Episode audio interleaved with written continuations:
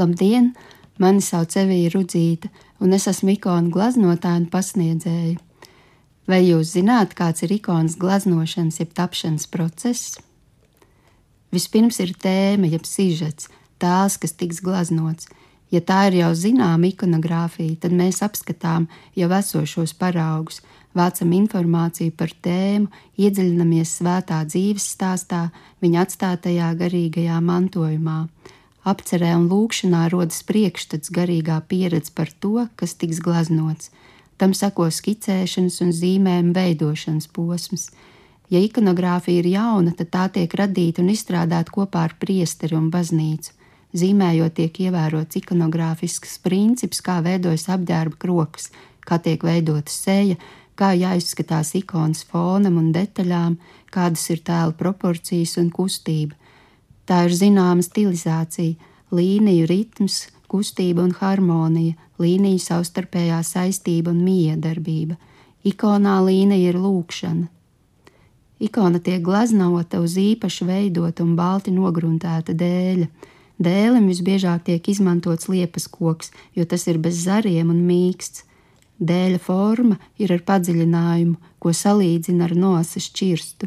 Iedziļinātajā ikonas daļā tiek attēlots svētais vai sižets, un šī ir tāda kā izlūgta, gara piepildīta vieta. Ikonas malas ir pāreja un tuvošanās mūsu pasaulē. Dēlis tiek gruntēts ar pēc receptes sagatavotu grunti, lefkasu. Grunts baltums arī darbojas kā gaisma. Un uz nogruntētā dēļa tiek pārnests vai uzzīmēts izstrādātais zīmējums. Zīmējumu nostiprina ar krāsas līniju pēc tam tiek līmēts zelts tam paredzētajās vietās. Tā kā zelts ir gan krāsa, gan gaisma, tas tiek līmēts pirms krāsu ieklāšanas, jo palīdz veidot ikonas kolorītu. Kad zelts ir uzlīmēts, sāks darbs ar krāsām. Ikonas glazno olas temperas tehnikā. Tas nozīmē, ka dabīgais pigments krāsas pulverīts tiek sajaukts ar olas dzeltenumu. Krāsu klājam plānos slāņos, kārtu pa kārtai. Glaznošanas process mazliet līdzinās pasaules radīšanai.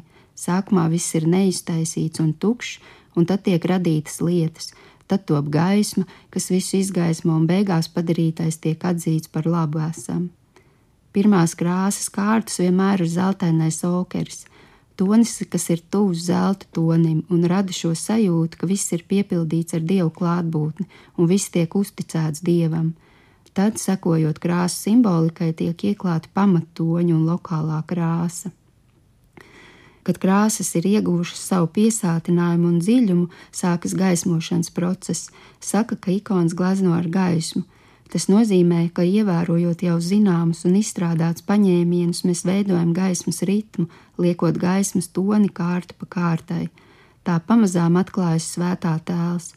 Gaisma ir jāglazno tā, lai radītu sajūtu, ka tā izstaro no svētā tēla, un ikona ir piepildīta ar neradītās dievišķās gaismas starojumu. Kad ikona ir uzgleznota, tiek rakstīts uzraksts, svētā tēla vai notikuma vārds, lai radītais tēls savienotos ar savu pirmtēlu, un ikona vairs nebūtu tikai gleznojums.